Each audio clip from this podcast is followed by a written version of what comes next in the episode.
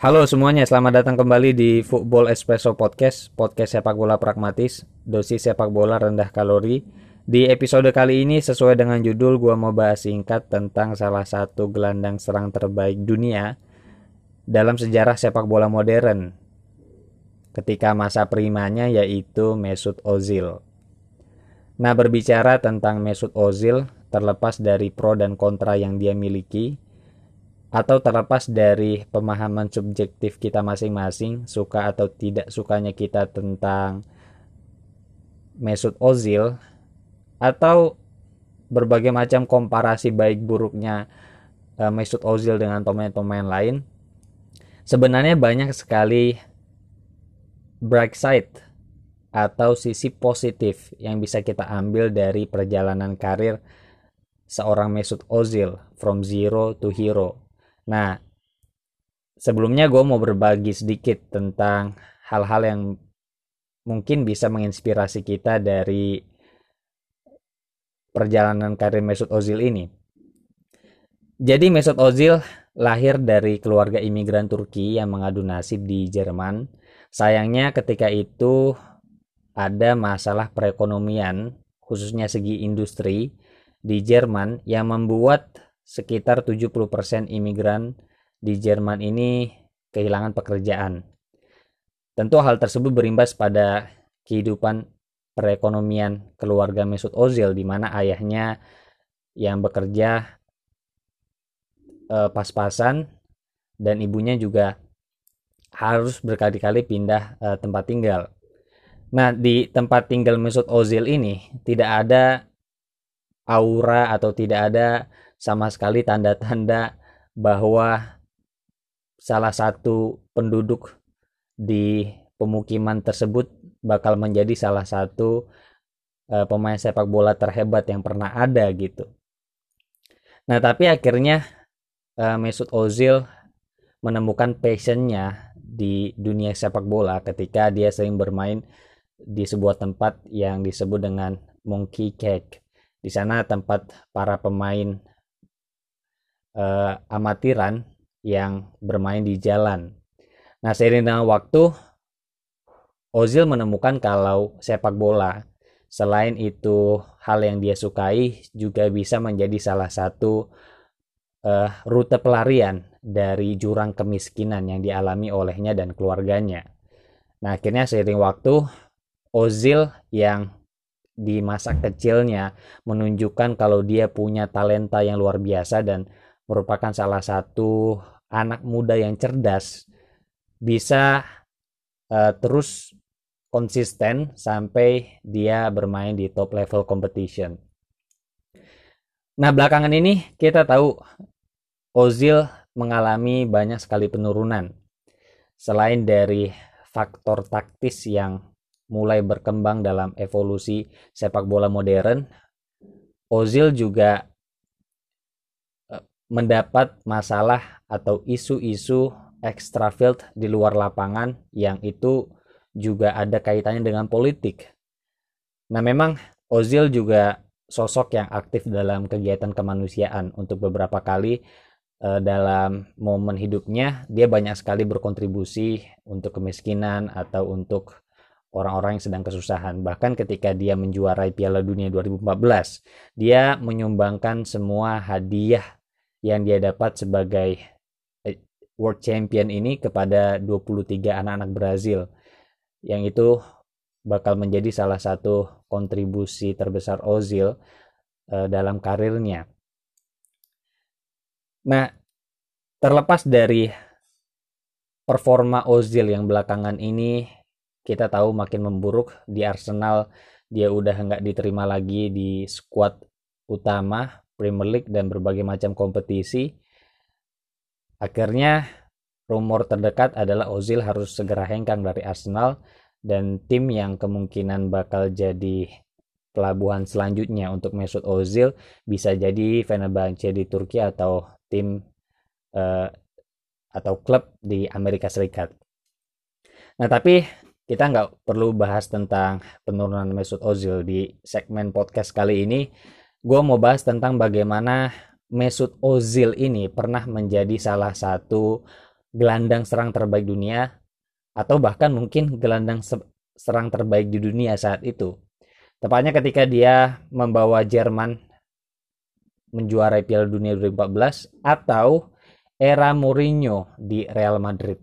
Ketika itu memang Mourinho di Real Madrid tidak bisa memberikan titel UEFA Champions League.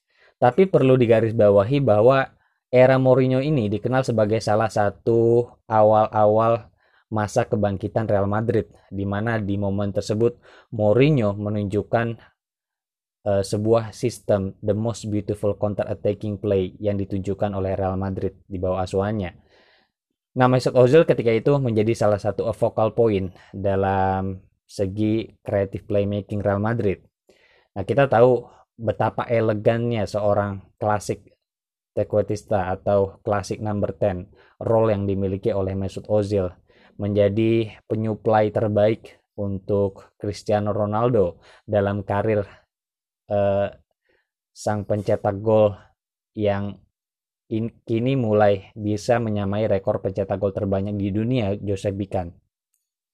Dan duet antara Ozil dan Ronaldo ini kala itu memang sangat ikonik, fenomenal, di mana key pass dari Mesut Ozil sangat brilian dan itu membuat Cristiano Ronaldo makin mudah untuk mencetak gol. Nah, di Real Madrid inilah Ozil dikenang sebagai salah satu gelandang serang terbaik di dunia. Nah, ketika itu memang awal-awal eh, Real Madrid bisa menyaingi atau lebih kompetitif dengan Barcelona. Nah, terlepas dari Real Madrid, di Piala Dunia kita tahu momen ketika Barcelona eh ketika Jerman berhasil eh, menjadi juara dunia dan ada momen di mana Jerman ini mengalahkan Brazil dengan skor 7-1 saat itu memang eh, Jerman merupakan salah satu tim yang ditakuti di dunia di mana generasi muda dan awal-awal regenerasi di skuad Jerman itu menjadi salah satu momen bersejarah untuk negara tersebut. Dan Ozil merupakan pemain yang dijuluki The German Zidane. Di mana Ozil ini pernah meraih sampai lima kali Player of the Year dalam uh, sejarah sepak bola Jerman. Tentu itu prestasi yang sangat luar biasa gitu untuk seorang Mesut Ozil gitu. Nah, memang belakangan ini ada banyak sekali isu yang membuat karir Mesut Ozil uh, makin lama makin menurun. Extra field isu kita tahu dengan uh, timnas Jerman, habis itu dengan klub Arsenal belakangan ini eh, karena dukungannya kepada kemanusiaan membuat Ozil tidak dipanggil lagi untuk skuad Arteta musim ini. Tetapi perlu diketahui kalau ketika di bawah Arteta, Ozil merupakan pemain yang paling kreatif dalam skuad Arsenal. Dia yang diboyong oleh Arsene Wenger. Pelatih sekelas Arsene Wenger sangat mengerti tentang kualitas yang dimiliki oleh seorang Ozil.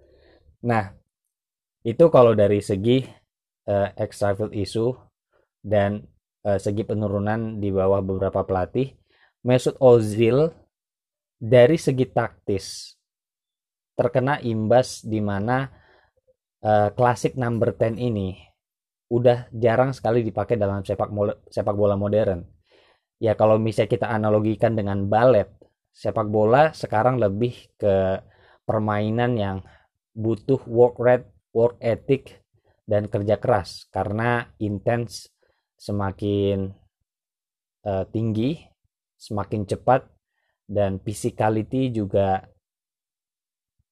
makin uh, menjadi di dalam sepak bola modern. Nah, itu yang membuat uh, peran dari klasik number 10, klasik Trecotesta yang dimiliki oleh Ozil makin lama makin punah dan bisa dikatakan sekarat. Oke, gue nggak bisa nyebut peran The Classic Number 10 ini uh, itu benar-benar mati sepenuhnya karena gue yakin sepak bola juga pada momennya juga bakal ada lagi kejutan-kejutan baru dan dari segi taktis juga ada masa-masanya gitu. Nah, pemain-pemain selain Ozil yang role-nya itu sebagai klasik number 10 seperti Juan Mata yang kita tahu ketika di Chelsea itu menjadi salah satu pemain yang paling kontributif focal point dari creative playmaking Chelsea yang dua kali menjadi player of the year di Chelsea serta membawa Chelsea untuk pertama kali menjuarai Liga Champions. Pemain-pemain seperti ini mengalami kendala ketika sepak bola makin lama tidak lagi membutuhkan uh, klasik number 10. Akhirnya sepak bola yang awalnya kita tahu pernah ada era 442 di mana dua box to box midfielder jadi acuan dalam uh, progressive passing.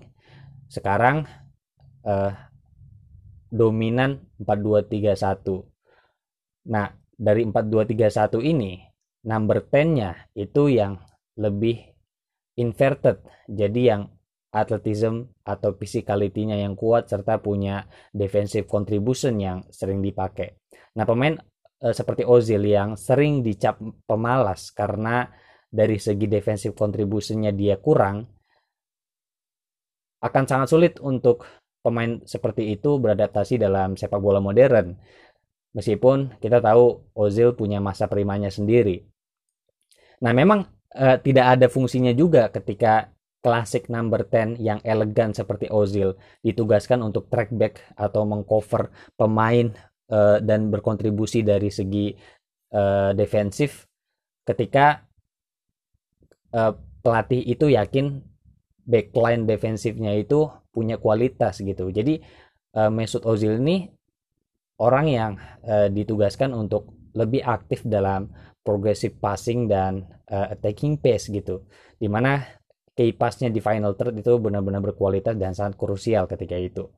Nah, ketika peran klasik number 10 ini digantikan oleh uh, inverted winger, false nine dan uh, central midfielder atau the false 10 yang itu uh, stay deeper jadi deep lying midfielder Ozil yang dari segi work rate-nya sangat kurang tentu uh, mengalami banyak sekali kendala nah itu mungkin uh, sekilas tentang Mesut Ozil.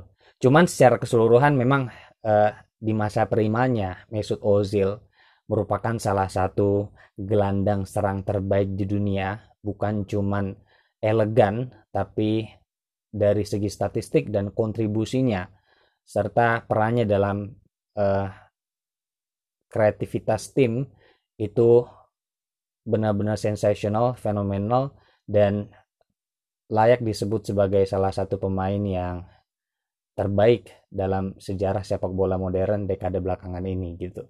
Ya mungkin itu aja tentang Mesut Ozil. Sampai ketemu di Football Espresso Podcast sesi selanjutnya. See you next time.